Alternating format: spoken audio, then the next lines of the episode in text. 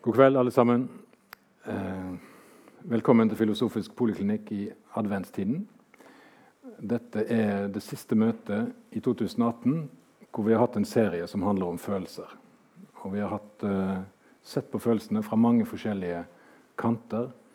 Eh, vi har begynt med å se på personlighet, som er en måte å organisere følelser på. Også liksom kalt det levende mennesket. Uh, og så har vi vært gjennom uh, mange forskjellige stasjoner. Uh, og i kveld så skal vi da ende opp i en måte å tenke på hvor en kanskje kan se at overgangen mellom følelser og tenking generelt, og beregning og kalkulering og sikkerhet og de aller mest kognitive variantene av mental virksomhet at de også er beslektet med følelser. Um,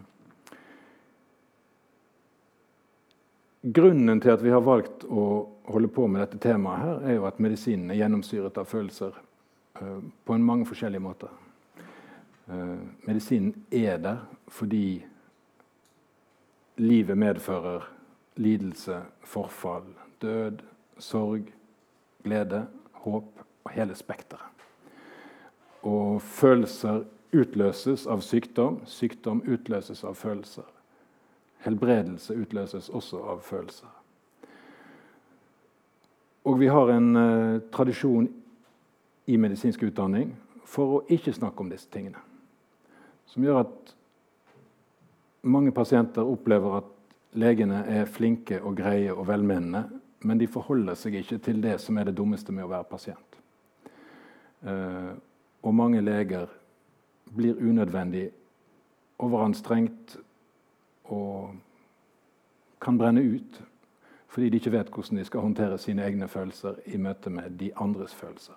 Det er en hel pakke med bare knapt halvveis løste problemer i hele dette feltet som heter følelser i medisin. Men i kveld skal vi altså gå til eh, eh, det som vanligvis har vært tenkt som å være ikke så veldig preget av følelser, nemlig hvordan en tar beslutninger, hvordan en bestemmer seg for diagnoser og utløser de tekniske sidene av medisinen. Evidensbasert medisin er i dag veldig mye forstått som beslutninger basert på objektive forskningsdata. Nå skal vi høre professor Eivind Engebretsen tenke litt høyt med oss Hei. om eh, hva det er vi føler når vi vet noe. Eivind er idéhistoriker og har studert filosofi i Paris, har jeg nettopp funnet ut. Ehm, men han har nå i mange år vært ansatt eh, på medisinsk fakultet i Oslo, hvor de er så heldige at de får lov å ha filosofer som studentene blir utsatt for. Og nå vi, gleder vi oss til å bli utsatt for deg. Vær så god. Tusen takk. Takk for invitasjonen. Veldig, eh, veldig glad for å eh, være her. Eh, jeg, utgangspunktet mitt er jo det du nettopp sa. evidensbasert medisin. Og, og den tilnærmingen, den altså er alle her fortrolige med begrepet evidensbasert medisin? Ja. Fordi eh, som vokste frem som en, en, måte, en retning, en, et nytt paradigme, et mektig paradigme fra 90-tallet og fremover, eh, hvor det å et, skape et mer systematisk grunnlag for kliniske beslutninger sto sentralt. Også da ut fra den tanke at det ikke hadde vært tilstrekkelig systematisk, for stor grad basert på skjønn, subjektivitet, mangel på transparens.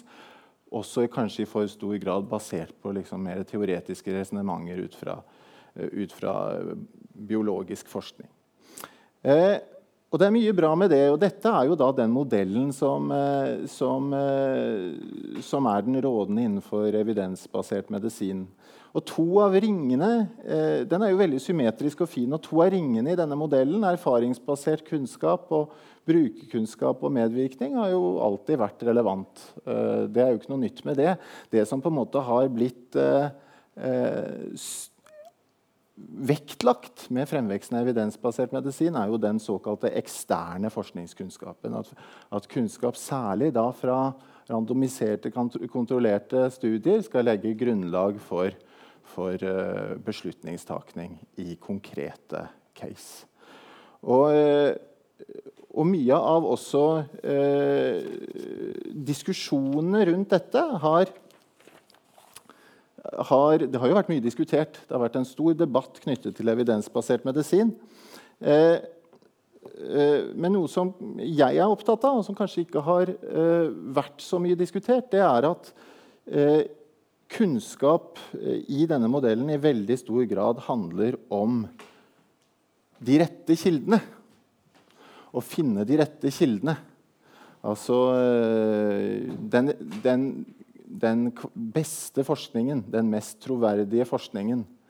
Eh, men også de som har vært kritiske til dette, har sagt at nei, det er ikke, det er ikke RCT-er som eh, bør, bør, vektlegges, men det er like mye kvalitativ forskning eller erfarings... Altså andre kilder man bør gå til. Det har hele tiden vært diskusjon om hva som er de rette kildene.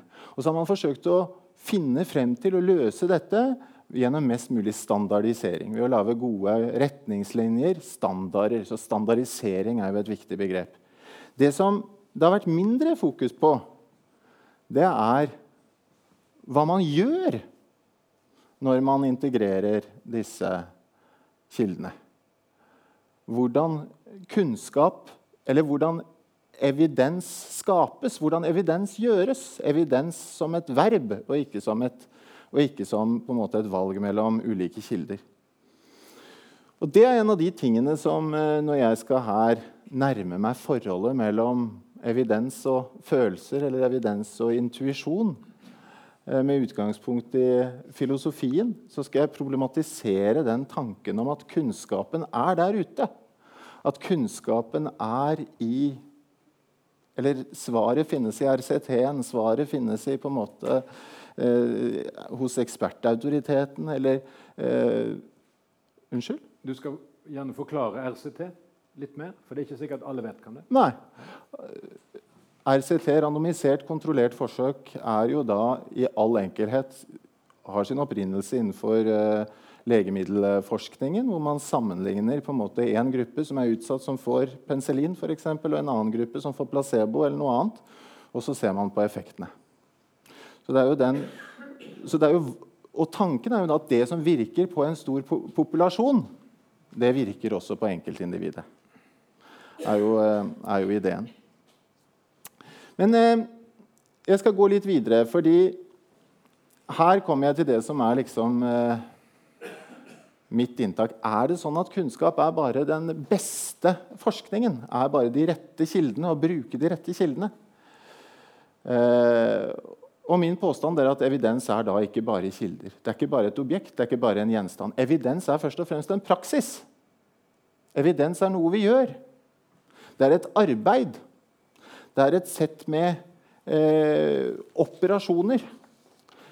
Eh, Morten Sager han er en svensk vitenskapsteoretiker. Han snakker ikke om evidens, men han snakker om evidensing, eller evidensbasering, for å få frem at det er ferskvare.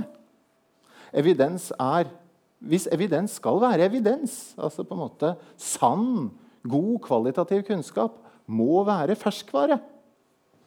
Og Det er også der på en måte lenken til følelser og intuisjon kommer inn. Dette har eh, jeg jobbet med i flere arbeider. Igjen da, Jeg er jo da ikke, har ikke en medisinsk bakgrunn, men, jobber, men fusker på medisinen fra et annet ståsted. Fra filosofien, Fransk filosofi er min bakgrunn i, og idéhistorie. Men jeg, jeg har jo eh, jobbet med dette en stund. Og dette er en artikkel vi har skrevet om fortolkning. Hvordan, vi, dette, hvordan setter man sammen disse delene av, av dette hjulet? Hvordan er det, og hvilken rolle spiller fortolkning i den sammenhengen? Og Så har vi tatt dette videre til Og der kommer på en måte spørsmålet om følelser mer sentralt inn. Fordi der skriver vi om usikkerhet. Betydningen av usikkerhet i evidensbaserte beslutninger. Og Vår hypotese er at usikkerhet ikke er en trussel, men usikkerhet er en mulighet når man skal ta gode beslutninger. Det er kanskje det viktigste som jeg på en måte skal argumentere for her i dag. At usikkerhet ikke er en trussel, men usikkerhet er produktiv. Usikkerhet er en mulighet. Det er noe du må spille på laget med når du skal ta gode beslutninger. Enten det er i klinikk eller det er i andre beslutningssammenhenger. Og dette er da en av mine helter. Er det noen som har hørt om han fra før? Det er i så fall veldig lite skammelig å si nei, fordi jeg hadde aldri hørt om han før jeg tilfeldigvis eh, oppdaget eh, boka hans eh, Jeg klarer ikke engang huske hvordan det kom, men det kom, til meg en spesiell anledning. Jeg hadde fått en brist på ryggen. Eh, en sykkelulykke. Og så var jeg da i en ukes tid da, så var jeg jo tross alt eh, Selv om evidensbasert medisin sier at man ikke skal ligge stille, så måtte jeg faktisk ligge stille en stund. Og da fant jeg eh, en, fikk jeg tid til å lese disse 1400 sidene eh, som han har skrevet. 'Insight a study of human understanding'. Og Spørsmålet hans der i den boken er jo så enkelt, men så godt og så lite stilt innenfor filosofihistorien. Nemlig hva er det vi gjør når vi vet noe? Han spør ikke hva er den sanne kunnskapen der eller der eller der. Er det den kilden vi skal bruke? Den kilden eller den kilden? Men han spør hva er det vi gjør når vi vet noe? Veldig enkelt spørsmål. Og hans enkle svar det er at det som gjør at når vi, vi, vet noe, det er at når vi får innsikt i vår egen innsikt. En forutsetning for å vite noe er at vi har en bevissthet om hvordan vi oppnår viten. Så Han mener at en eller annen form for metakunnskap, altså kunnskap på nivået over, kunnskap om hvordan vi får kunnskap, er nødvendig for å oppnå det han kaller evidens, da, eller eh, objektivitet. Og ikke minst så vektlegger han betydningen av usikkerhet i den sammenhengen. Og at usikkerheten, og det skal jeg vise, er selve driveren i denne prosessen mot å komme til viten. Det er bare ved hjelp av vår usikkerhet, det er bare ved å bruke vår usikkerhet, ved å dvele ved vår usikkerhet, ved å reflektere over vår usikkerhet, at vi kan nå kunnskap. Så kunnskap er ikke i motsetning til hva som på en måte er eh, ofte da, som du innledet med å si, den evidensbaserte medisinens mer standardiseringstenkning, at usikkerhet på sett og vis er en trussel. Her er det motsatt. Usikkerhet det er veien til viten. Jeg skal gå veien via Kristin. Kristin er min kollega fra Universitetet i Oslo. Hun er, hun er eh, professor. Og så er hun studiedekan på Det medisinske fakultet. Og så er hun sykepleier. Men hun er med her fordi hun også da har vært sykepleier. Og I en, en, av de artiklene vi skriver, så bruker vi et case som hun uh, har erfart da hun var ung sykepleier en gang for 30 år siden. Caset er litt grann, eh, på en måte skrevet om for å ivareta anonymitet, og sånn, men jeg skal lese det, lese, det, lese det for dere. Kristin er nyutdannet anestesisykepleier. Hun jobber for et akuttmottak som bemanner ambulanse.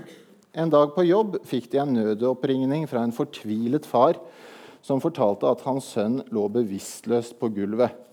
På vei inn i ambulansen ropte en av legene på vakt at Kristin måtte være forberedt på hjerneblødning. I ambulansen rekapitulerte Kristin standard prosyre, altså retningslinjer, ved hjerneblødning. På vei inn i hjemmet så Kristin noe som overrasket henne. En kvinne, sannsynligvis pasientens mor, satt apatisk ved kjøkkenbordet og drakk kaffe.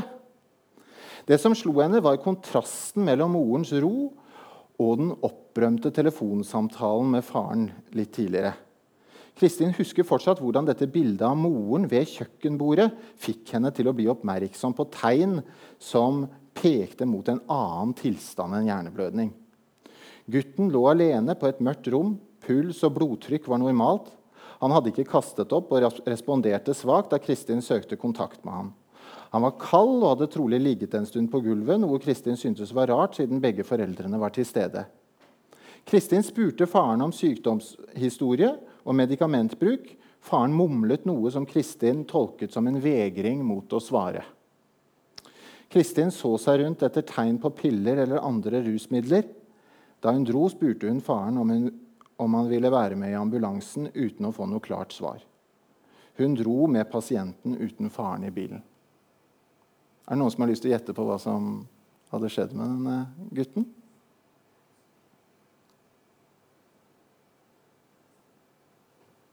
Nei? Ja. Mm. Ikke hjerneblødning. La oss se på hvordan Kristin jobbet, hvordan hun resonnerte, hvordan hun brukte forholdet mellom kunnskap kunnskaping, evidensing og følelser i dette caset. Hun bruker usikkerheten som et eh, redskap eh, i måten hun tenker på. Eh, her er det ikke snakk om å løse et komplisert klinisk problem, men det er eh, snakk om mer at eh, kunnskapen eller innsikten hun får, følger ut av en ekstraordinær situasjon som hun opplever. Så hun følger ledetrådene. Her kommer første på en måte produktive usikkerhet igjen. Hun stiller seg spørsmålet er det ved, mer ved denne situasjonen enn jeg kan se. Allerede der kommer den første produktive fantasi er den første produktive form. Forestillingsevne, fantasi, er den første produktive måte hun bruker sin usikkerhet på. Det neste er rett og slett, og det er den viktigste for Lonergan, spørsmålet. Det å stille et spørs spørsmål, det er å bli kjent eller gjøre det, det ukjente kjent. Et spørsmål er en kjent ukjent, sier Lonergan. Da setter du navnet på det du ikke vet. Du artikulerer din egen usikkerhet. Og det å på en måte artikulere denne usikkerheten er sentralt i hennes måte å oppnå kunnskap på. Og innsikten kommer til henne ikke som noe hun styrer eller kontrollerer, eller som hun på en måte kan presse frem, men den kommer som en hendelse. Innsikten kommer som noe som skjer med henne, noe som hun kan legge til rette for gjennom sin fantasi, gjennom sin årvåkenhet, gjennom sin måte å stille spørsmål, spørsmål på. Men innsikten kommer som en hendelse, en slags aha-opplevelse, sier eh, Gadamer. Eh, her er Lonergan veldig tett på hermeneutikken og, hans, og Gadamers forståelse av sannhet som en aha-opplevelse, en hendelse, noe som skjer med deg, noe som slår deg. Så Det er det viktige her, at Kristin oppnår kunnskap ikke ved å styre, men ved å dvele ved hva som skjer med henne. Ved å dvele ved å, å dyrke sin egen usikkerhet. Dyrke sin egen tvil. Bringe på en måte tvilen sitt, til sitt kulminasjonspunkt. Det er sånn hun øh, Og det er gjennom selvinnsikten i hvordan hun arbeider med dette, at hun, øh, at hun kommer til innsikt. Uten sånn selvbevissthet så ville hun aldri kommet på sporet av at hennes første antakelse, nemlig hjerneblødning, var feil. Dette er en modell som øh, min venn Lonergan foreslår, han, som han foreslår for å, for å på en måte han mener at intuisjon er for han et, eh, et, et, nøkkelbegrep, men det er et begrep som vi skal ha en bevissthet rundt. Altså, han tror ikke på gut feeling. Altså som en sånn, Den mavefølelsen som du følger uten å ha et bevisst Han mener at, den, at man skal dvele ved den og ha en slags sånn mindfulness, en slags sånn årvåkenhet om hvordan er det vi, jeg kommer til viten. Og det forsøker han da å anskrive ved å si at vi kan følge fire forskjellige nivåer.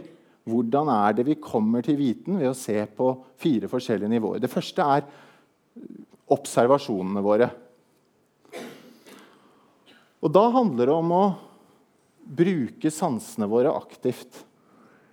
Og det handler ikke minst om eh, altså Sånn som Kristin bruker sansene sine aktivt. Hun ser moren ved kjøkkenbordet, hun legger merke til farens unnvikenhet. Eh, disse tingene kunne lett forsvunnet, forsvunnet, utenfor radaren hennes hvis hun ikke hadde hatt en årvåkenhet. Hun bruker også fantasi eller forestillingsevne. Hun spør hva er det jeg Er det noe mer her enn det jeg kan se? Eh, som er altså noe som ikke er umiddelbart til stede for sansene. Gutten som har ligget lenge på, på, på gulvet, det ser hun ikke direkte, men hun på en måte forestiller seg det. Uviljen, farens uvilje mot å svare, den vegringen mot å svare som hun på en måte observerer, som hun aner. Morens fortvilelse, som sitter og drikker denne kaffen. Alt dette er data for henne, alt dette er observasjoner, men det er observasjoner som hun kun har tilgang til ved å spørre er det noe mer enn det jeg ser. Men det er bare første trinnet ifølge Lonergan. Det neste og kjernetrinnet det er fortolkningen. Og der kommer spørsmålet inn. Eh, der er det snakk om å aktivere vår egen usikkerhet ved å liksom sette ord på hva er usikkerheten min. Og Måten å gjøre det på er, er spørsmålet. Gjennom spørsmål. Og Dette starter for Kristin allerede før hun kommer til åstedet. Hva kan det være, spør hun. Eh, det, og så kommer hun dit. Er det oppkast altså uten bevissthet? Hvor lenge? Hva er sykehistorien? Men i Kristins tilfelle så skjer det som Lonergan kaller for en invers innsikt. Det skjer en, gjennom denne spørsmålsstillingen så skjer det det som hun kaller for en invers innsikt. At hun innser at hun har stilt feil spørsmål. Hun innser at hun har lett på feil sted. At hun har 'barking up the wrong tree'. Hun har lett på feil sted.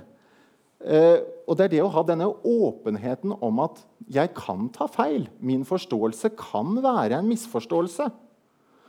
Hadde hun ikke hatt den åpenheten om at man kan ta feil, den bevisstheten om at min egen forståelse, min egen spørsmålsstilling er muligens utilstrekkelig, så ville hun aldri kunnet komme til denne, denne eh, inverse insekten. Så det er igjen tvilen, usikkerheten, som er nøkkelen til at på en måte denne eh, innsikten eller kunnskapen kan korrigeres.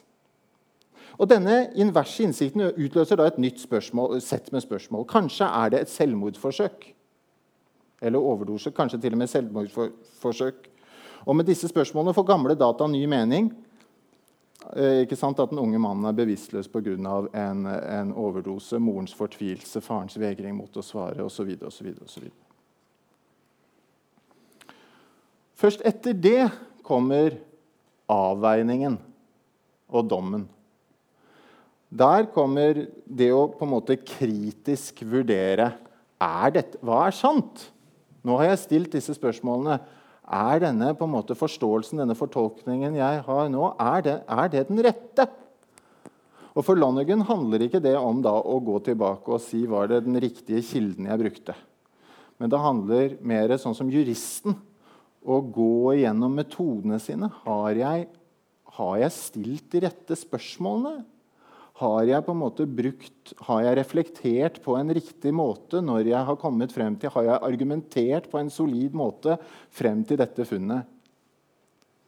Så altså Lonergan tror på objektiv kunnskap og evidens, men han mener at det ligger i prosessen. I veien frem mot resultatet, og ikke i resultatet i seg selv. Ikke i svaret i seg selv. Og så til slutt kommer 'Hva skal jeg gjøre?' Og Der er vi egentlig over fra spørsmålet om hva er sant, til hva er rett. Vi er over fra kunnskapsteorien til etikken. Hva er det rett å gjøre? Hva skal Kristin gjøre nå? Problemet med mye evidensbaserte beslutninger er at de går sånn. At de hopper direkte fra kildene. Hva er det, den beste kunnskapskilden? Jo, det er f.eks. denne retningslinjen til 'hva skal jeg gjøre'? Uten å gå denne Eller i hvert fall så finnes det ikke innenfor rammeverket til evidensbasert medisin så finnes det ikke eh, systematiske metoder for hvordan man skal artikulere fortolkningsprosessen og avveiningsprosessen. Bare hvordan man skal velge de riktige eh, kildene og ta en beslutning. Dette har jeg lyst til å gi et siste før jeg slutter, eksempel på, som er hentet fra eh, en kollega og samarbeidspartner av meg som heter Trisha Greenhalg. Som er professor i Oxford, eh, lege. Eh, har en dobbelt bakgrunn, også bakgrunn i, i, samfunnsvitenskap og filosofi. Hun var en av pionerene innenfor evidensbasert medisin fra starten av.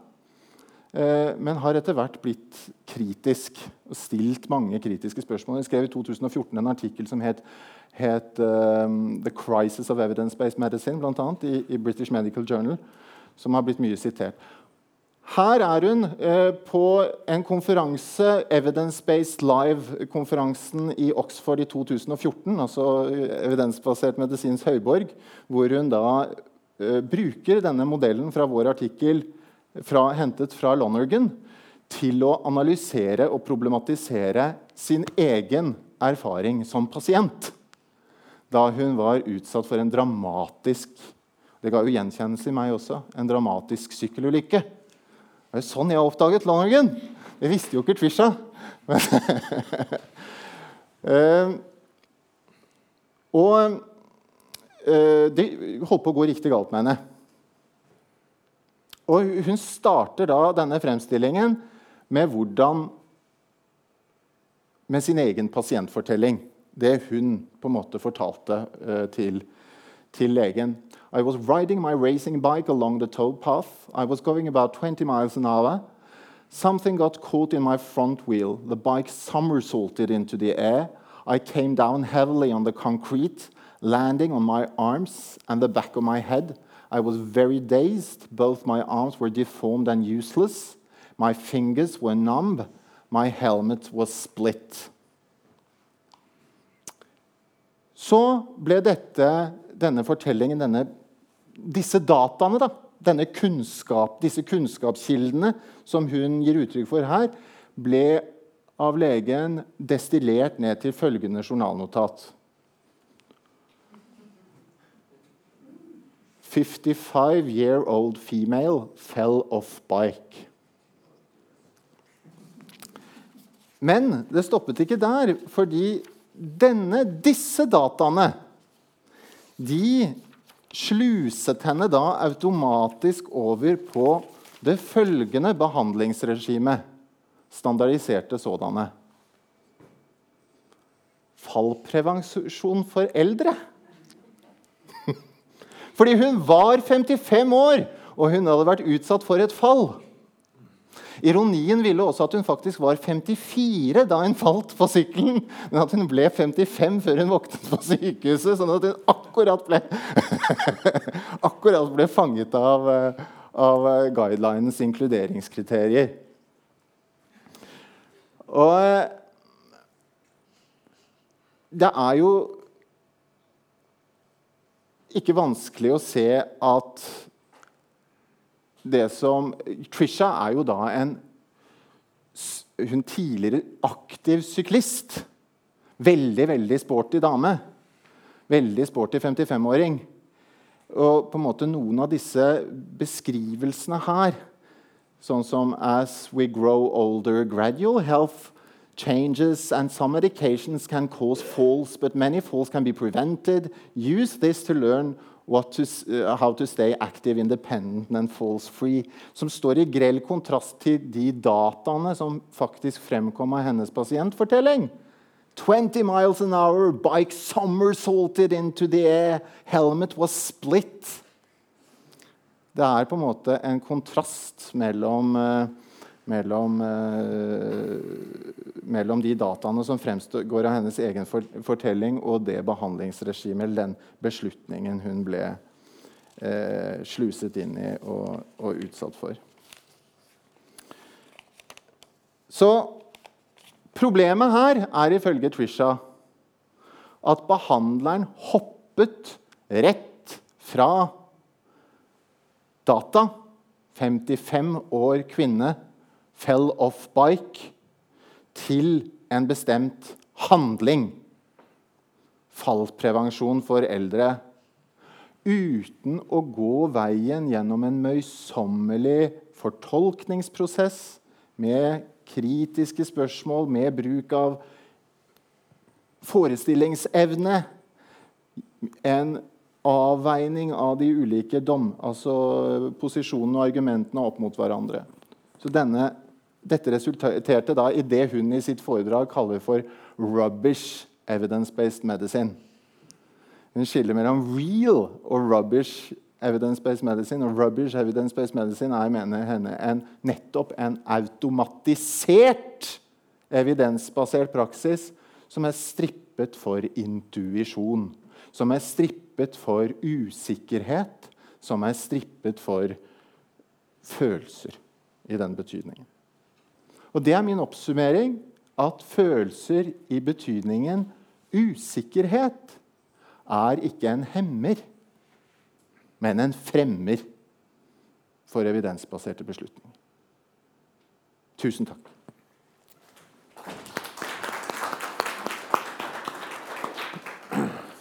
Ja, Da har vi tenkt å, å, ta en liten prat, vi, før vi inviterer dere til å, å, være med og komme med spørsmål og kommentarer. Kan, vi ta og, kan jeg få gi deg litt vann? Ja takk. du kan få det. Og ta litt selv òg? Um, ligger det en kritikk i det du forteller oss? Er det en kritikk av medisin sånn som den gjøres til vanlig? Det vil jeg ikke si. En, jeg tror ikke det er en kritikk av hvordan medisin drives på de fleste legekontorer. Av skjønnsomme, kloke, eh, praktisk kunnskapende leger.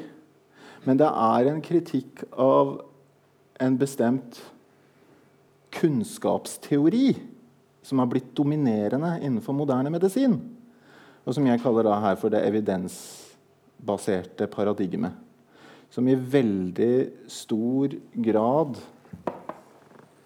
i hvert fall bare snakker om de rette kildene de rette metodene for å hente dem opp, de rette metodene for å velge mellom dem, og de beste retningslinjene.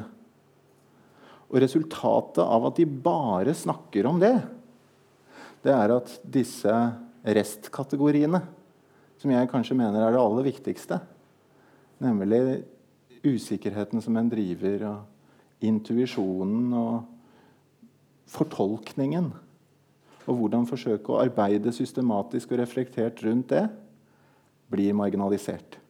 Så i så måte så er det en kritikk. Mm.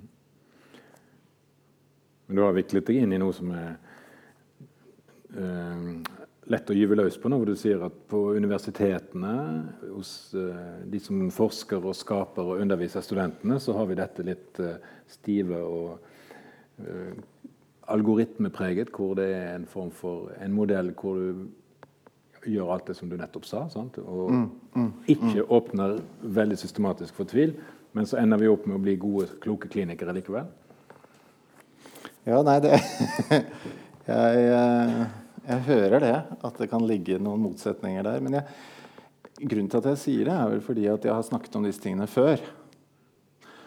Og da snakker jeg jo eh, Møter jeg jo ofte klinikere som kommer, og som jobber med pasienter og sier det er jo sånn vi jobber. Mm. Det er jo sånn vi jobber. Men det er ikke det. Og jeg tror kanskje ikke det er verst Jeg, jeg vet ikke det, det, om det er universitetet, men det er jo også evidensbasert praksis er jo også skapt gjennom en slags kunnskapsindustri og en form også for institusjonalisering av kunnskapsarbeidet som er skapt på siden av universitetene. Nemlig kunnskapssentre, og i England heter det 'clearing houses', eh, Oxford Collaboration ikke sant? Guideline-industrien. Eh, så jeg tror det er mer komplekst også enn at uh, altså Jeg vil ikke være med på at jeg sier det. At det, er, at det er universitetene som forvalter dette kunnskapsregimet, og ikke klinikerne. Jeg tror også det er i hvert fall et viktig mellomsjikt her, i form av uh, en form for sånn fagbyråkratisk Som også henger med sammen, tror jeg, også med en sånn uh, en del også neoliberale styringsprinsipper. ja som eh, også er en sentral bærer av disse prinsippene. De enkle løsningene. Og det er jo enkelt for klinikere òg. Altså, altså, jeg har også snakket om disse tingene ikke for, bare for medisin, men også for sosialt arbeid og barnevern. Det kommer for full kraft inn i det feltet. og Grunnen til det er at de står overfor så komplekse beslutninger. Det er klart at man gjerne vil ha oppskrifter. Ja. Det er følelsesregulering. For Hvis du tar vekk den usikkerheten som gjør deg hjelpeløs, kvalm og får panikkangst, så er jo det litt deilig. Det er klart det er det. Eh, filosofisk poliklinikk fins fordi eh,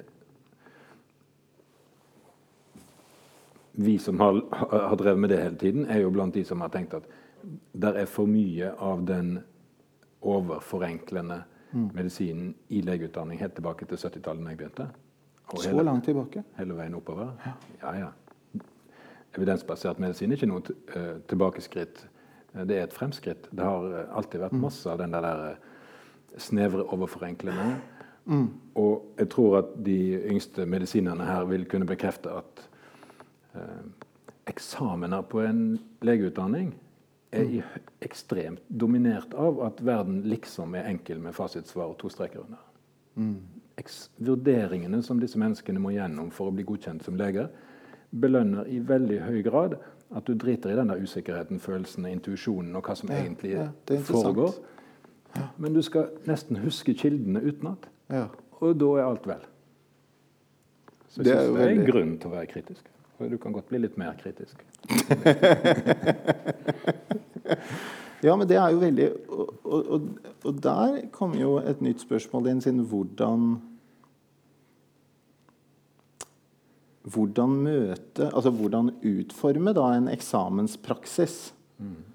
Altså Én ting er på en måte undervisningspraksiser som på en måte fanger opp denne kompleksiteten og på en måte behovet for denne typen refleksjon.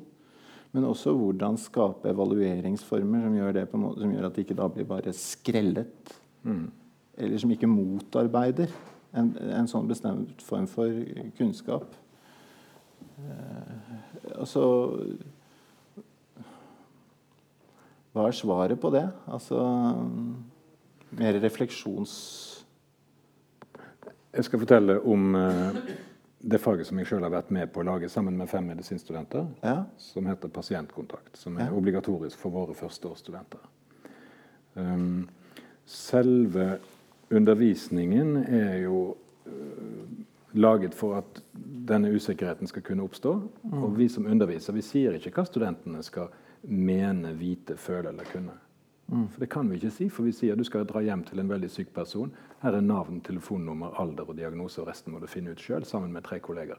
Mm. Da blir alle litt sånn uh, mm. For de er helt ferske. Selv om de, til og med de som har helsefagutdanninger fra før, får litt trøbbel, for de vet ikke hvordan de blir sett som medisinstudenter. Mm. Okay? Så det, mm. det, er en enorm følelsesladet erfaring som vi ikke har kontroll på. Mm. Men vi har en utvendig kontroll, for vi sier at dette kommer til å skje, dere blir usikre, det er sånn, så gjør dere det og det, så finner dere ut av det. Så kommer dere sammen med pasienten her om en uke mm. og snakker foran 80 studenter med pasienten.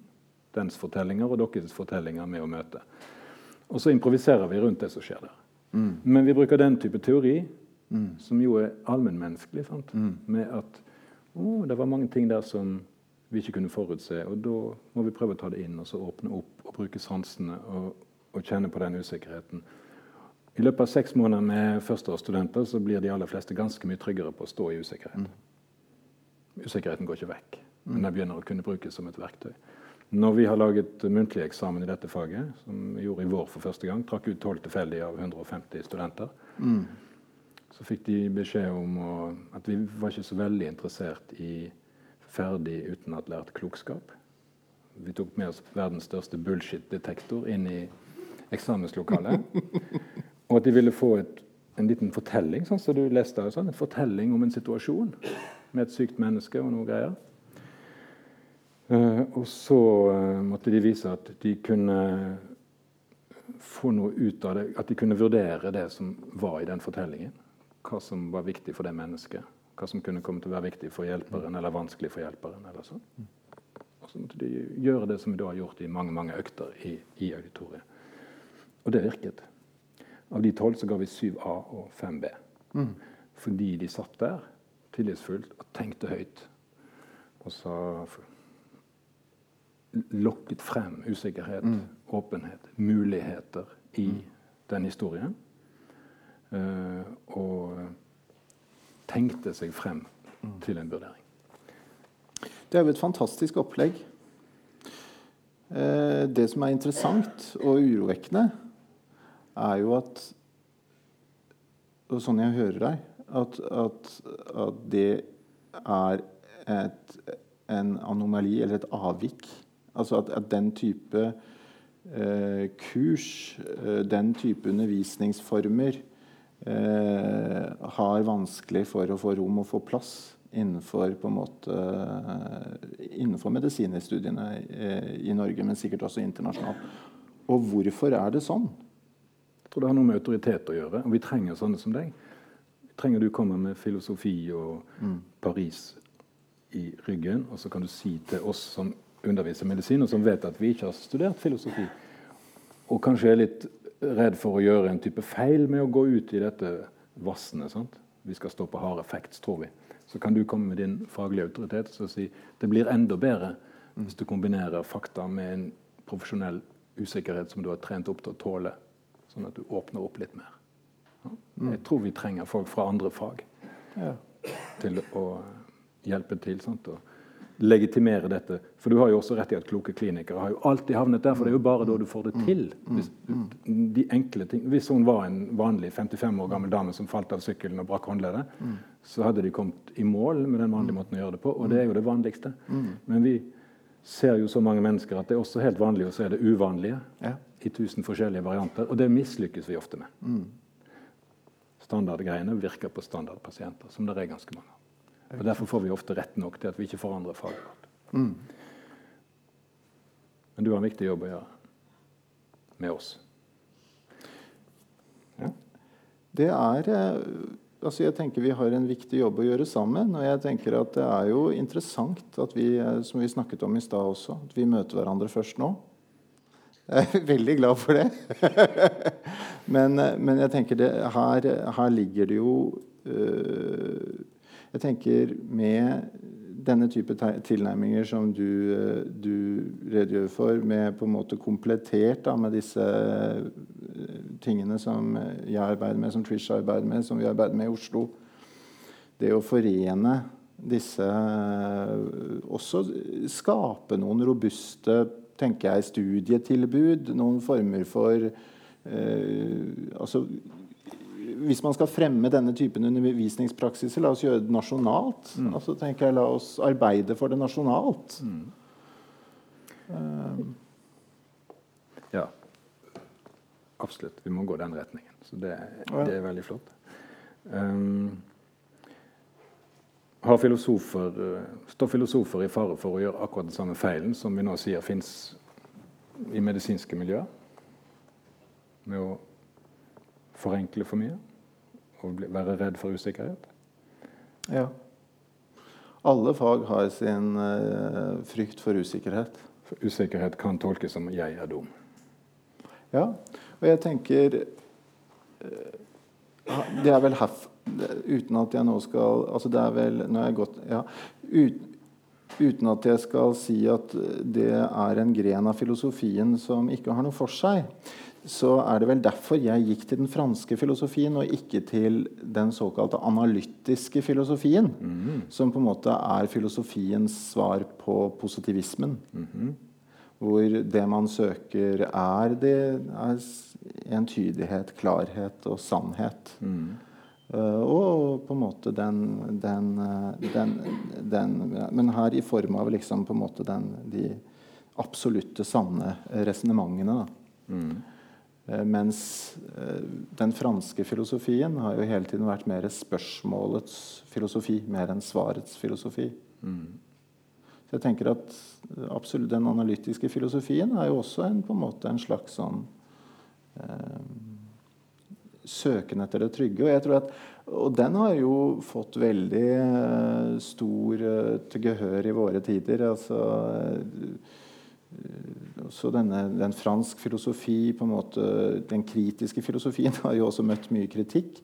Sterk nå, Det var jo gjennom dette startet jo med hjernevaskprogrammet.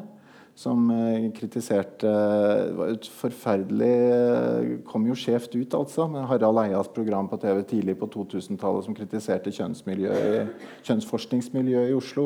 Særlig, men også andre miljøer. Uh, eh, tror jeg satte hele denne retningen innenfor filosofien i vanry. Og har skapt også en søken etter de, også de klare og enkle svarene innenfor eh, filosofi og humaniora. Er det, er det sånn at det er to grøfter her, og den ene grøften har du snakket om nå, med å se bort fra usikkerhet som du ikke bør se bort fra. Usikkerhet som kan åpne opp og gi deg en bedre løsning. Gi Trisha Greenhalg en bedre ivaretagelse når hun har gått på trynet på sykkelen. Mm. Um, så jeg kan bekrefte at den grøften fins, og den fins mye i medisinsk utdanning fordi studentene trenes altfor systematisk til å liksom hoppe fra fakta til handling. Men den motsatte er vel kanskje det du snakker om nå, da. At eh, en eh, er ukritisk på den, på den litt omvendte måten. At en kan dvele ved enhver form for usikkerhet uten å invitere til å betvile den. Eller at en har en åpenhet som ikke lar seg eh, kritisere, fordi den på en eller annen måte tar vekk muligheten for at det skal finnes en, eh, en eh, rasjonell eller objektiv forankring som gjør at denne usikkerheten er irrelevant. Er det det som skjer der? Tenker du den totale på, altså at, at den, en kritisk posisjon gjør seg selv u, uangripelig Ja. for kritikk? Ja. At det har skjedd i noen av disse eh, ja, i kjønnsforskningsfag og i andre fag som ender opp med bare å snakke om hverandres tekster Ja, og blir uangripelige, men samtidig ikke forholder seg til virkeligheten på en måte som vi andre kan bruke til helt noe klart. som helst. Helt klart. Og det er absolutt også den andre og, og, og jeg tenker at det er en grøft som også Jeg vil jo ikke si fransk filosofi, men en del av på en måte bruken av eh, og, og lesningene av fransk filosofi, særlig på en måte den angloamerikanske verden, har resultert i en sånn form for um, men også fransk filosofi, en form for utilgjengelig eh, og, og, nærm, og en litt sånn u, ukri, ukritiserbar, eh, opphøyet eh, posisjon. Et sånt eh, allmektig kritisk blikk, på, sett, på sett og vis, eh, som eh, eh, så, så jeg, tror også, jeg, jeg tror også det. Og tror, så sånn sett så kan du jo si at at noen av disse Hele på en måte vitenskapshistorien er jo preget av denne type nødvendige også pendelbevegelser. Og jeg tenker altså Vi skal ikke gi hjernevask all skylden for det, eller all, hele fortjenesten om man vil, for, for den, den, denne pendelbevegelsen, siden den er også internasjonal. Men jeg tror igjen da at pendelen har svingt for langt i en sånn nypositivistisk retning, eh, og hvor på en måte humanioraene også flørter for mye med biologien og med de harde vitenskapene. Ja, og positivistisk er at fakta taler for seg sjøl. Ja, Ja, vi egentlig ikke trenger å tenke, vi trenger bare vite fakta. nettopp. Mm. Jeg er jo en erfaren doktor etter hvert, og jeg vet at i mange situasjoner så, så um, kan jeg se at det ender bedre nå enn det gjorde før, fordi at jeg klarer å holde usikkerheten mye lenger. Jeg fortalte deg en sånn historie. Mm. Um, Mm. men jeg vet at jeg blir trent av faget mitt. Mm. Um, skal dele historien med dere veldig kortfattet. og det, nå er den, si den litt anonymisert, så ingen kan kjenne igjen vedkommende. Men i en legevaktsituasjon får beskjed av sykepleieren om å komme inn på akuttrommet. Der ligger der en dame med store smerter. Og øh, hun begynner straks, hun møter ikke blikket mitt, begynner straks å ta meg i hendene og si du må kjenne her. Kjenn her, det er kjempehovent. Jeg tror jeg må legges inn. Jeg tror jeg har en stor betennelse i kjeven. Jeg var hos tannlegen før i dag. Han åpnet en, øh, en byll. Um, og så er det en kaosstemning der som gjør at jeg absolutt ikke vet hva jeg skal gjøre. Og jeg kan da, Hadde jeg vært yngre, så hadde jeg følt meg dum og prøvd å bli kvitt det veldig fort med en diagnose. Ja, du kan få mer penicillin, eller jeg kan legge deg inn. Men så jeg ble sittende der. Eh, ikke så veldig klart tenkt, men jeg har den type rutiner i kroppen. at Når jeg ikke vet helt hva jeg skal gjøre, og det likevel ikke ser ut som noen dør eller det begynner å brenne, så sitter jeg nå der litt til. Og da begynner hjernen å produsere ganske mye mer eh, hypoteser om ting. Og jeg får fordøyet den informasjonen jeg har fått. Og jeg får lov til å virke som en rolig og trygg fyr som sitter nå der. Og så gir signaler om at dette er ikke så veldig farlig. og sånn.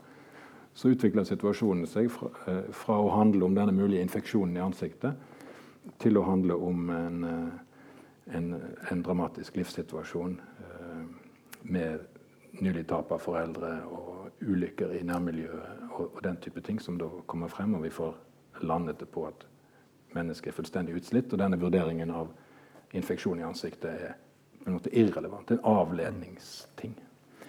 Um, og jeg tenker Det der ville jeg ikke funnet ut av for 15 år siden. Det var en invers innsikt, Var det? ifølge Lonergan. At du på en måte det sporet Du var først De spørsmål du, du først stilte fordi du hadde den åpenheten knyttet til at Eller du hadde den avventende holdningen. At det er ikke sikkert dette er svaret. Gjorde at du på en måte opp, fikk den innsikten som fikk deg til å søke spørsmålene i en annen retning. Men jeg, jeg føler at faget mitt har trent meg veldig til å, å bli sånn. Um, så jeg er nysgjerrig på deg. Du driver ikke med sånt arbeid. Men det er ut ifra at du også utvikler deg og forandrer eh, din evne til å tåle disse her tingene. Hvor skjer det i ditt liv? Eh, Veldig interessant spørsmål. Jeg, jeg er jo veldig ydmyk. Eh, Jeg er jo ofte sammen med folk som jobber som klinikere. Og den virkeligheten og verden dere står i, som jeg som jo ikke er min. Og, og det vil jo alltid være min begrensning når jeg kommer inn med disse på en måte refleksjonene og teoriene som jeg har, og skal se på dere. på en måte. Og Det er jo derfor også disse dialogene er viktige. Men samtidig så er jeg jo i verden, jeg òg. Ja, det er det du er. og jeg har vært i verden noen år. Og, og ikke bare det, eh, men eh, jeg har også vært i en verden hvor jeg har jobbet veldig tett med mennesker. Eh, jeg har vært veileder for over 40 masterstudenter. Jeg har veiledet 12 ph.d.-studenter frem til ph.d. Hver eneste toll har vært en opprivende og total Altså, det å ta en ph.d. er et er, det, Altså, ja. du skjønner hva jeg sier?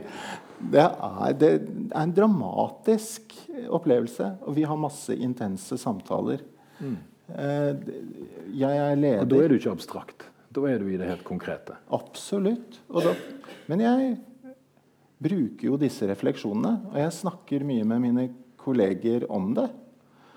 Altså vi eh, eh, Om hvordan møte de situasjonene, og hvordan reflektere rundt dem, og hvordan ta gode beslutninger i dem basert på jeg tenker Det du sa i stad, det å, i en veiledningssituasjon, det å komme opp med en diagnose Det som er lett i en veiledningssituasjon, er jo med en gang å komme opp med et svar. En løsning.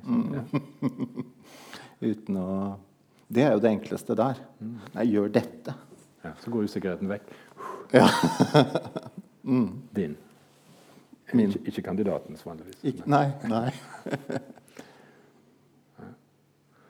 Um, Du sa at usikkerhet er en mulighet. Uh, så, så skrev vi spørsmålet er usikkerhet en nødvendighet når vi skal finne ut av ting. Jeg tror det. Ja, det tror jeg. For Ellers så kan det umulig skje noe læring. For Hvis du ikke er usikker, så vet du alt fra før. Mm. Det vil si at alt passer i en kategori du allerede har. Mm. Det er ikke noe ved situasjonen som sprenger det du allerede visste. Nettopp. Da er det ingenting der. Da reduserer du den, det nye til det gamle. Så står vi stille.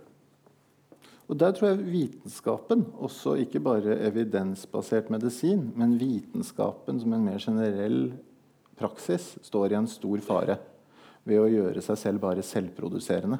Mm. Fordi vi er i en Det som får midler i dag av altså, Forskningsrådet og andre, det, den, den, vitenskapen som blir privilegert og dyrket frem, det er den vitenskapen som, gir, som er affirmativ, som gir svar. Som bekrefter på sett og vis, som, som, som bekrefter eller avkrefter hypoteser. Ikke den som lurer på ting. Den usikre. Men uten usikkerhet ingen ny kunnskap, som du sier. Og dermed heller ingen vitenskap. Og det mener jeg at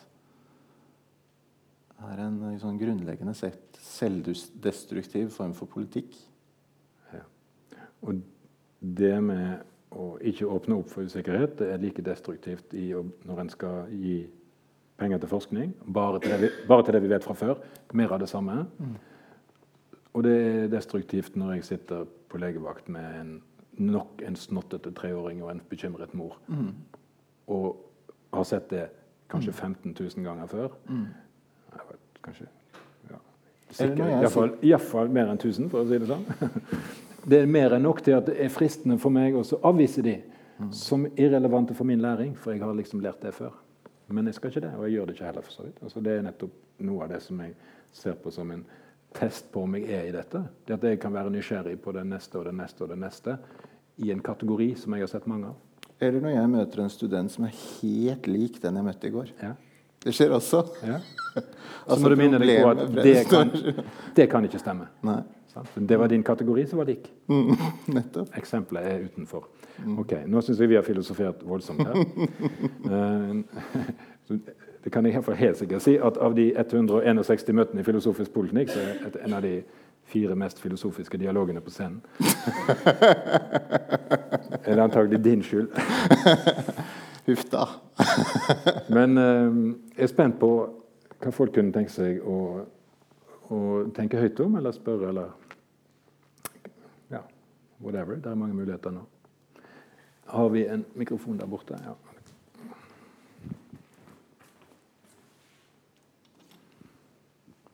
Er den aktivert? Ja. Hvem kunne tenkt seg å si noe?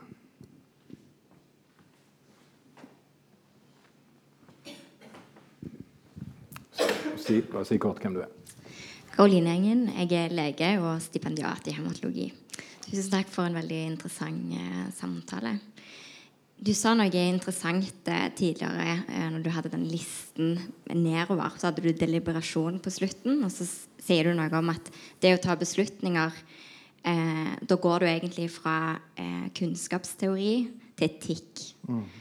Eh, og i det etiske landskapet så ligger det jo en hel, hel annen rekke med usikkerhetsmomenter mm. med tanke mm. på hva som er riktig Um, og min opplevelse mange ganger i forbindelse med, med, evidensbasert medisin, i hvert fall i mitt eget fag, og hvordan vi forholder oss til den kunnskapen som kommer fram, er at eh, hvis noe gir en signifikant p-verdi i en eller annen form for studie, så er det en indikasjon på noe vi burde gjøre. Som vi i ganske stor grad mange ganger har problemer med å forstå kan komme i konflikt med en form for etikk. Både i forhold til enkeltindivider, men òg i forhold til litt større samfunnsperspektiv om hvordan vi skal forvalte ressurser.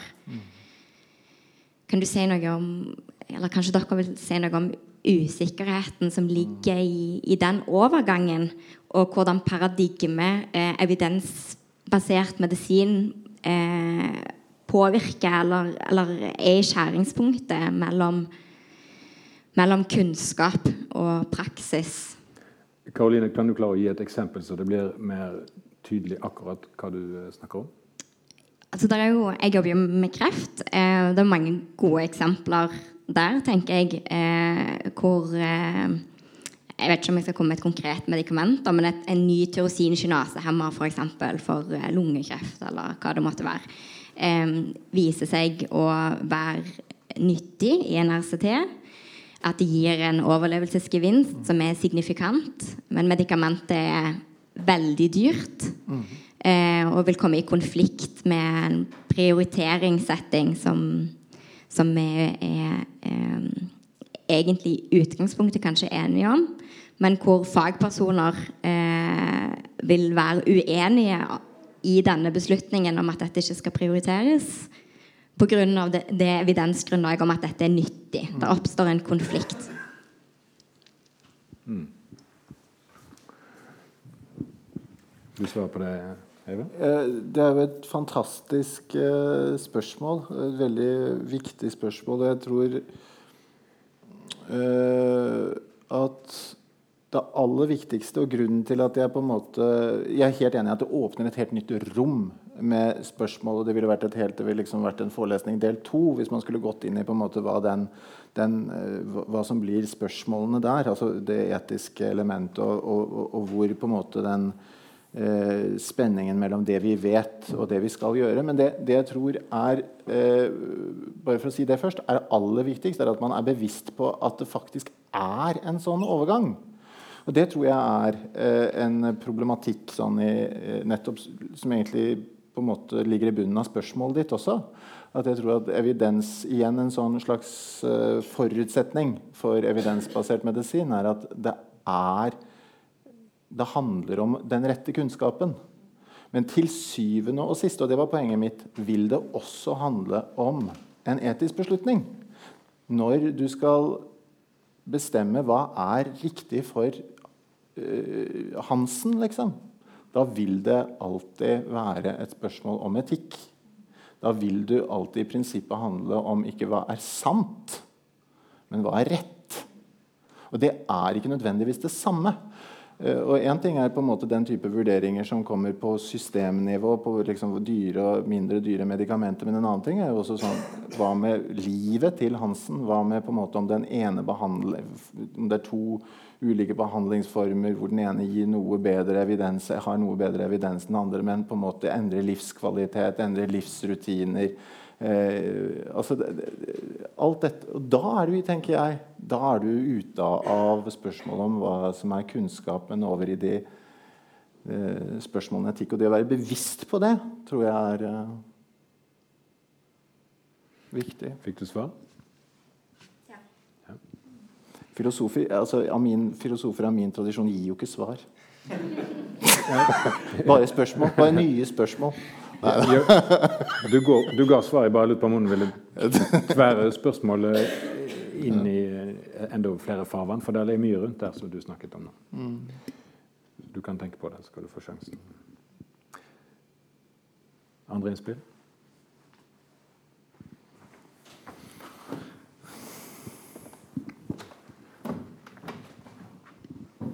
Anders Berheim. Eh, Edvin og jeg har kontor ved siden av hverandre. Eh, jeg har oppnådd noe som han ikke har oppnådd ennå. Jeg har blitt nettopp emeritus. Så der er vi. Eh, Ståle Fredriksen disputerte hos dere for er det 15 år siden. Han disputerte på at det er umulig å gå fra evidensbasert medisin til den enkelte pasient. Kunnskapen er ikke gyldig. Og han har flere gode grunner til det. Det viktigste er at kunnskap i medisin er gruppebasert mens mennesket er et individ. Mm. Kunnskapen i medisin er basert på usikkerhet, mens mennesket er basert på manglende kunnskap mm. eller tvil. Og Det betyr igjen at uh, når vi da er uten kunnskap, så vil også de etiske problemene komme inn og kreve at vi bestemmer, tenker jeg. Mm. Så den ene biten. Og så sa du noe helt i starten som har betydning for iallfall sånn som Edvin jeg også tenker på hvordan underviser vi medisinstudenter. Du spurte hva slags type eksamen skal vi ha. Og det du kanskje tenker på, iallfall det som fikk meg til å tenke der, var at eksamen bestemmer hvordan studentene oppfører seg. Mm. vi får besøk fra Maastricht eh, neste uke. Onsdag neste uke. Det er veldig spennende. Maastricht det, har det første legestudiet i Europa, i verden, som er uten eksamen. De, seg, de baserte seg inntil nylig på Canmed, som er en syvbladet blomst med kunnskap i midten, og med blader som Profesjonsbladet, som Forskerbladet, som Kommunikasjonsbladet. Altså ting som en doktor må kunne for å være en skikkelig doktor. Og de laget et mappesystem der studentene ble testet på alle disse feltene. Ikke bare på kunnskap.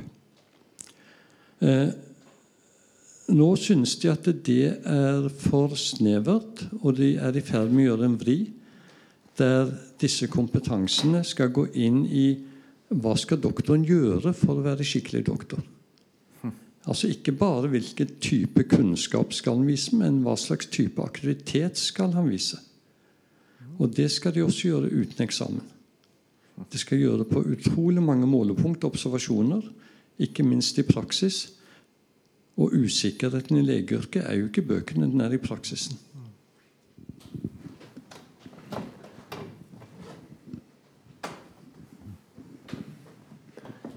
Har du noe, noe å si til det, Eivind? Veldig, veldig interessant. Veldig interessant refleksjon. Eh, og interessant å høre om. Jeg skulle gjerne på en måte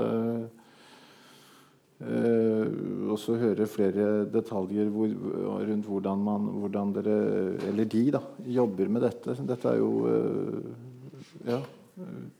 Og for øvrig så er jo selvfølgelig den problematikken som du løfter opp innledningsvis, der, den mellom individ og populasjon, er jo, er, er jo et sånt Det er jo det som eh, Der oppsummerer du jo veldig godt. Det er jo det som på en måte Det er jo det problemet som på en måte evidensbasert medisin aldri liksom Den kløften som de aldri klarer å bygge bro over. da Litt morsomt at du løftet frem en avhandling fra Man må liksom til Bergen for å vite hva som produseres i Oslo.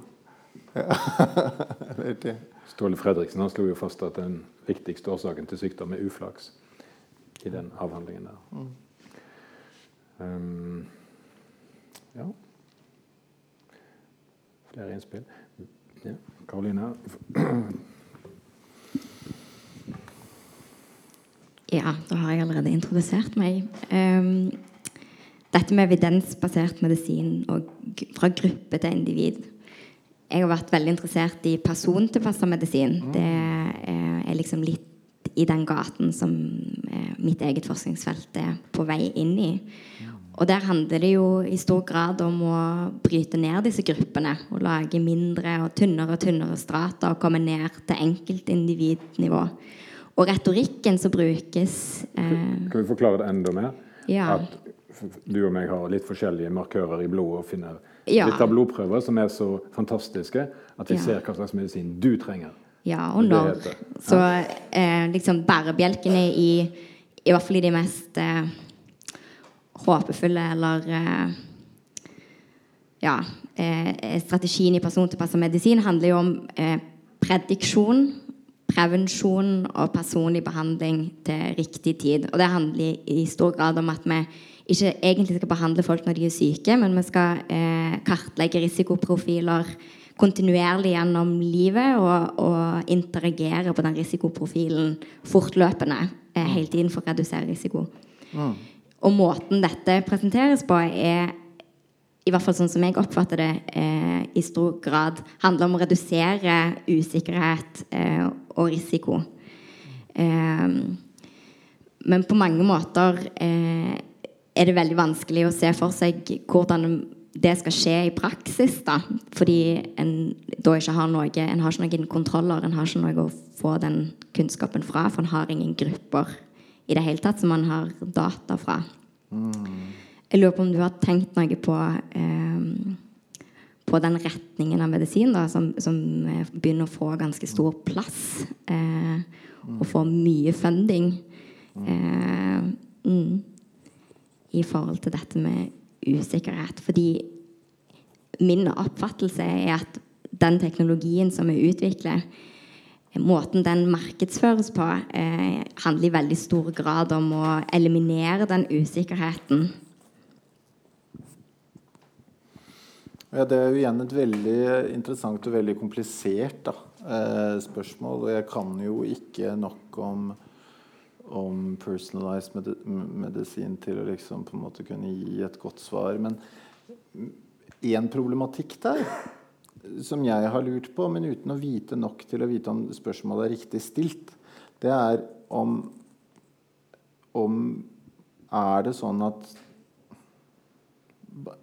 kategoriene bare blir mindre og mindre? Altså, får, altså det, logikken er fortsatt på en måte gruppebasert og på en måte kategoribasert, men kategoriene blir bare mindre og mindre og mindre, på sett og vis. Altså, det er altså- færre i dem, men de er like rigide? Ja, ja det er færre i dem, men de er like rigide. Nettopp. Så det er det ene spørsmålet. Og det andre ja, Nå har jeg gått over til å stille spørsmål. og, og, og, det andre som jeg lurer på med eller, Og som jeg tror da um, Hva med Altså, jeg tenker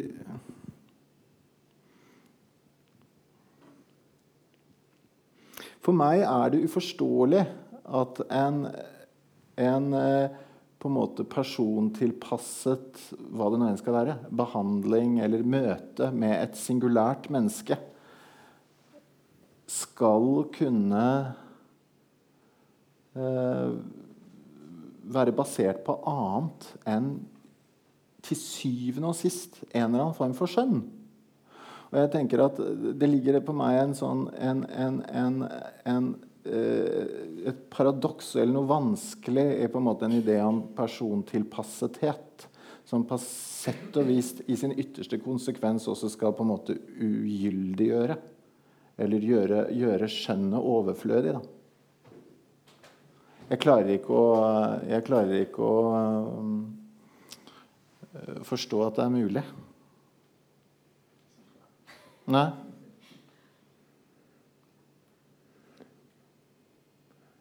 Jeg ser, jeg ser, at du ikke er fornøyd med svaret mitt. Men jeg jo, jo, jo. jo jeg, jeg, jeg fast, ja. du, du, der tolker du feil. Jeg er faktisk så fornøyd at jeg nesten lurer på om vi skal gni det inn litt mer. ja, men gjør det! Gjør det! Gjør det. Nei, men det er fordi dette som skjer den type tilnærming at til slutt kan du måle deg frem til du har kreft, og den kreften vet vi så mye om at du skal få den medisinen som alle andre ville dødd av. Det høres jo besnærende ut, og det er sånn det er tenkt. Ja, hvorfor er det feil, da? Det ville du jo likt. Da reddet vi deg. Fordi vi fikk målt deg på 3000 punkter. Fant ut akkurat hva du trengte. Trenger ikke noe dialog da med deg. Du vil jo overleve. Ikke sant? Ja. Men hva med da den siste deliberasjonselementet som vi snakket om der? da? Altså hva som hva, Vi vet og hva er det rette å gjøre? Det vil man i hvert fall aldri få svar på. Hva er det rette å gjøre? Det du vet, kan, alltid, kan kanskje bli veldig presist, men hva som på en måte er den rette handlingen i det konkrete tilfellet overfor det singulære individ, det vil vi aldri på en måte kunne.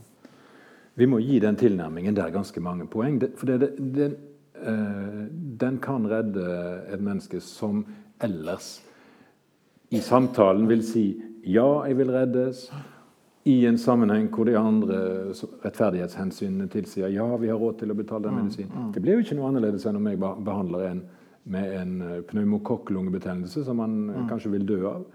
Billig, grei behandling. En kategori jeg kan putte den i. Alle er fornøyd. Mm. Det er jo ikke galt å bruke kategorier og Nei. mønstre for å gjøre en god del grovarbeid. Som, hvor omkostningene ikke er så store, med rel relativt lite deliberasjon. Bare en sånn, Og den er også nokså standard. Har du noe spesielt imot at jeg redder deg for den lungebetennelsen? Mm. det spørsmålet stiller vi ikke. Fordi at folk kommer inn med den bestillingen 'Kan du redde meg?' Mm. Og det sier de ikke. Men det er derfor de er på legekontoret. Institusjonen har lagt de spørsmålene døde, for de ligger i at uh, forholdet opprettes. Mm. Jeg sitter der på legevakt, tilbyr mine tjenester, og de handler om det. Mm. Jeg skal på en eller annen måte løse problemet ditt eller redde deg. Så kommer de inn, og så ligger den avtalen i kulturen. Er det noe i veien med dette? Er det for lite usikkerhet, syns du? Mm. Eller er det greit?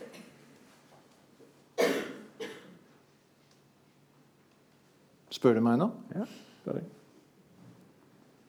Det er på en måte at vi bruker kategorier ganske mye, og enkle triks. Ja. ja. Og det må vi nok. ja. Eh, Men at vi skal kunne gjøre det. Og så når, når som helst switche inn i Oi! Der sitter det en mor med kaffekoppen. Mm. Far virker veldig rar. Og så, og så plutselig så, så skjønner du at du er ikke på autopilot. Når vi kjører bil til Oslo, så sitter vi kanskje ganske mye og hører på radio eller skravler. Plutselig så skjer, det noe rart, og så er vi til stede. Er det sånn? Kan vi, er det en tilstand vi skal gå inn og ut av? Rutine, automatikk kontra Oi, Ikke sant? må tenke. Jeg tror at medisinen er begge deler. Ja. Og kanskje det vi skal trene folk til å være på tå hev, sånn at de vet at de gjør begge deler. Var det en ny hånd?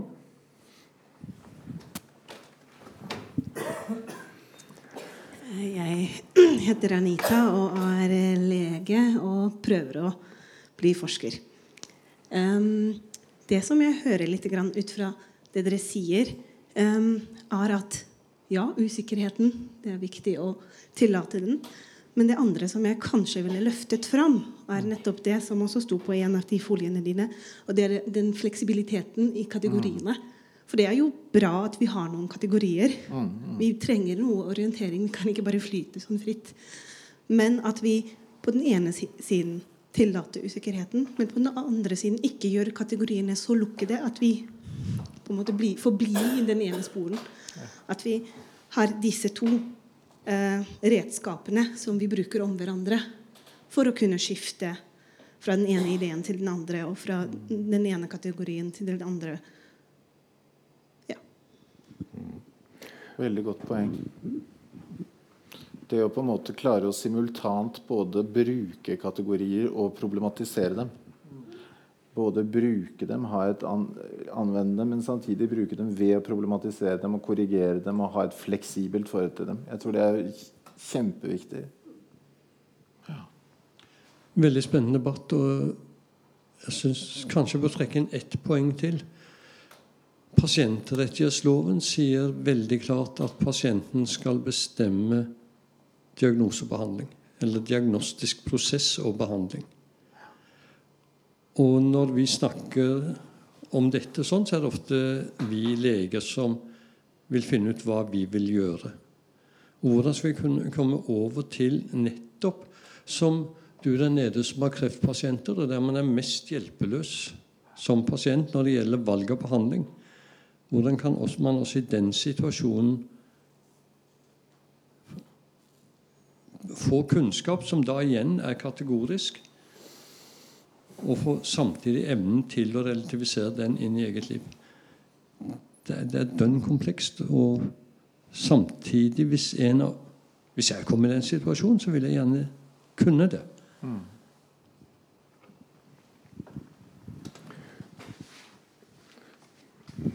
Tenker du, Eivind? Ja, jeg, jeg er redd at jeg ikke jeg klarer å eh, Jeg syns jo det er et veldig viktig innspill, men jeg tror ikke jeg klarer Jeg jeg vil heller oppfordre deg til å kommentere det, tror jeg. Jeg trenger ikke to mikrofoner, antagelig. Men eh, jeg har eh, tenkt at det er noen nettopp sånn, som et eksempel at eh, noen av spørsmålene og eh, liksom Kontrakten ligger i at folk kommer til oss. Og, og, og en del ting trenger vi aldri å si, men det, det ligger der. Eh, og er helt nødvendig at det er en sånn avtale. Eh, Det er jo andre typer avtaler som oppstår taust, er at eh, pasienter ønsker at leger eller andre hjelpere skal bare bestemme å gjøre det de syns er best. Det opplever jeg stadig vekk, og jeg syns det er helt legitimt. Og jeg vil også som veldig sykt menneske en eller annen gang ønske at vi finner noen jeg kan stole på. Så vil jeg absolutt ikke inn i maskinrommet og vite hvorfor de til slutt velger å gi meg det og det rådet eller den og den behandlingen. Jeg vil være syk. Jeg vil bli tatt vare på. Eh, og det innebærer at det får gå som det går. Men jobben her er å måtte, være doktor og holde rundt meg, få meg gjennom den fasen hvor jeg ikke funker. At jeg ikke da skal måtte være voldsom teknisk, full av tvil og systematisk usikkerhet og finne frem ditt og datt. Det er nettopp det legen skal gjøre og spare meg for. Så jeg, er, ja, jeg, har, jeg, jeg kan like at vi bruker en del kategorier og forenklede algoritmer. Jeg kan like en, god del paternalisme. At vi må ha god dose paternalisme, særlig med de aller sykeste, for de blir jo kognitivt uh, svekket i den syke fasen. En del av det å være syk er at hjernen ikke funker så godt fordi du er komplett utslitt hele tiden. Enten av sykdommene eller av behandlingen, som er i kreftmedisin veldig mye. Jeg syns det er et veldig uh, godt poeng. Utrolig interessant diskusjon. og Det får meg til å tenke på en uh, doktorgradsstudent som jeg hadde, som skrev uh, om Gjorde en analyse, altså en analyse av politiske dokumenter. Hun er dansk og gjorde et analyse av da, et politisk dokument som heter 'Borgerens sunnhetsvesen'. Og Det interessante med hennes analyser det var at hun fant ut at det var bare ved å liksom se hvem, Hun så etter hva kan pasienten være, ifølge dette dokumentet. Hva er den ideelle pasienten? Sånn som politikken, helsepolitikken legger ut i dette danske dokumentet. Og Da var det jo to muligheter. Det var enten å være borger eller å være bruker. Altså Enten være aktivt ytende og deltakende. Det, var det, det på en måte det ypperste idealet. Litt, uh, også gangbart var det å være på en måte kreve sine rettigheter og være en sånn mer rettighetsbruker. Ikke, konsument også? Konsument også. Ja. Det som forsvant helt ut av dokumentet, det var det å være syk eller sårbar. Hjelpetrengende. Svekket. Svekket. Altså på en måte Ingen, så på en måte Det ble hennes konklusjon. Ingen plass til liksom den sårbare pasienten. Og, noen, og, dette er på en måte tenker jeg også en interessant ting inn i diskusjoner rundt shared decision making, rundt empowerment og brukermedvirkning. Jeg hadde en annen ph.d.-student som skrev om empowerment. Øh, sånne, og, og, gjorde en analyse eller så på, gjorde del, sånn deltakende observasjon fra et sykehjem med, med 90 år gamle pasienter og sånn. Og, var, og, så på liksom kontrasten mellom hvordan på en måte det, idealene om empowerment snakkes frem. Altså det, det, som snakker, ifølge han da, snakkes frem, da er på en måte en slags møteromsbruker. Mm. Som kan sitte og på en måte tegne kontrakter og uttale seg på en måte veldig på en måte samlet om sine egne posisjoner og rettigheter og oppfatninger. Og som passet så veldig dårlig på mor på 94 år som var dement. Mm. Eh, altså det, det, passer rett og slett ikke inn i møteromssituasjonen. Og da er det også sånn har vi, har, har vi, skapt noen idealer for det å være pasient som ikke i det godes hensikt, som ikke passer til alle, og som ekskluderer kanskje de svakeste? Nå har vi virvlet opp en, en, type problematikk til som er veldig spennende. Mm. Nemlig dette. Hva er det egentlig å være syk? Hva er det slags prioriteringer vi gjør når vi skal behandle med veldig dyre ting? Hva er det vi driver med når vi utvikler teknologi som er så flott at vi kan uh, skille mellom deg og deg, selv om dere har akkurat samme sykdom? Mm. Og dette som uh, vi begynte med. Sant? hvordan er det vi vi tenker eh, i alminnelige kliniske situasjoner. Vi kunne fortsette fordi at uh, denne tematikken, hva er det vi føler når vi vet noe, det er jo egentlig et spørsmål som handler om hva er det å tenke. Mm. Så det vil gjelde på alle områder. Uh, og jeg syns det er helt utmerket å avslutte denne serien med Filosofisk poliklinikk for 2018 med akkurat det spørsmålet. At vi, det er all grunn til å tenke over hva vi gjør når vi tenker. Uh, og så er det da en kort annonsering av eh, vårens tema. Vi har i løpet av 20 år aldri systematisk befattet oss med døden, men det er jo merkelig fordi det er så uh, sentralt. Så, så, vårens serie heter 'Å leve i dødens lys'. Og 9.1 så får vi da besøk av eh, Sebastian von Hoffaker, som i en del år nå har vært sjef på Sunniva hospice jobber veldig mye med palliativ medisin med døende mennesker. Underviser sammen med meg. og er anestesilege. Og han skal møte Emelin Bråtane, som er sykepleier og lege for tiden i Finnmark, og har en masse sterke møter med døden, både som privatperson og som lege. Så da skal vi få en dialog her om det, og spørsmålet de skal få jobbe med, er den gode døden, fins det? Og så fortsetter vi utover våren med mer død og fordervelse. God jul til alle sammen.